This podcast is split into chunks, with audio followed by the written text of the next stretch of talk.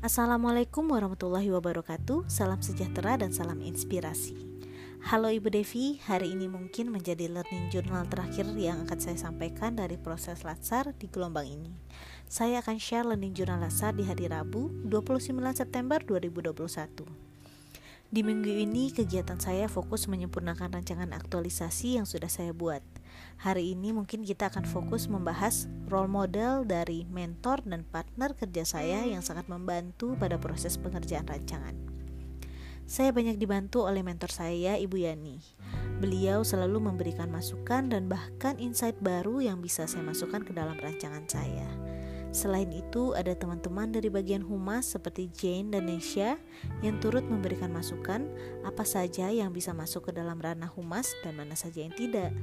Dan tentunya dalam hal ini saya turut berkomunikasi dengan salah satu tim pemegang website yaitu IGA yang juga menjadi peserta latsar di kelompok saya. IGA membantu saya memberikan informasi secara singkat mengenai alur penggunaan website dan turut mensupport rancangan ini karena akan membawa dampak baik bagi bagian lain di KSN juga.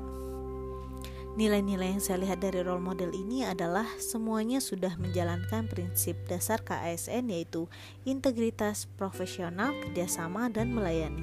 Sedangkan dalam agenda Latsar, nilai-nilai yang saya dapatkan adalah nilai-nilai aneka.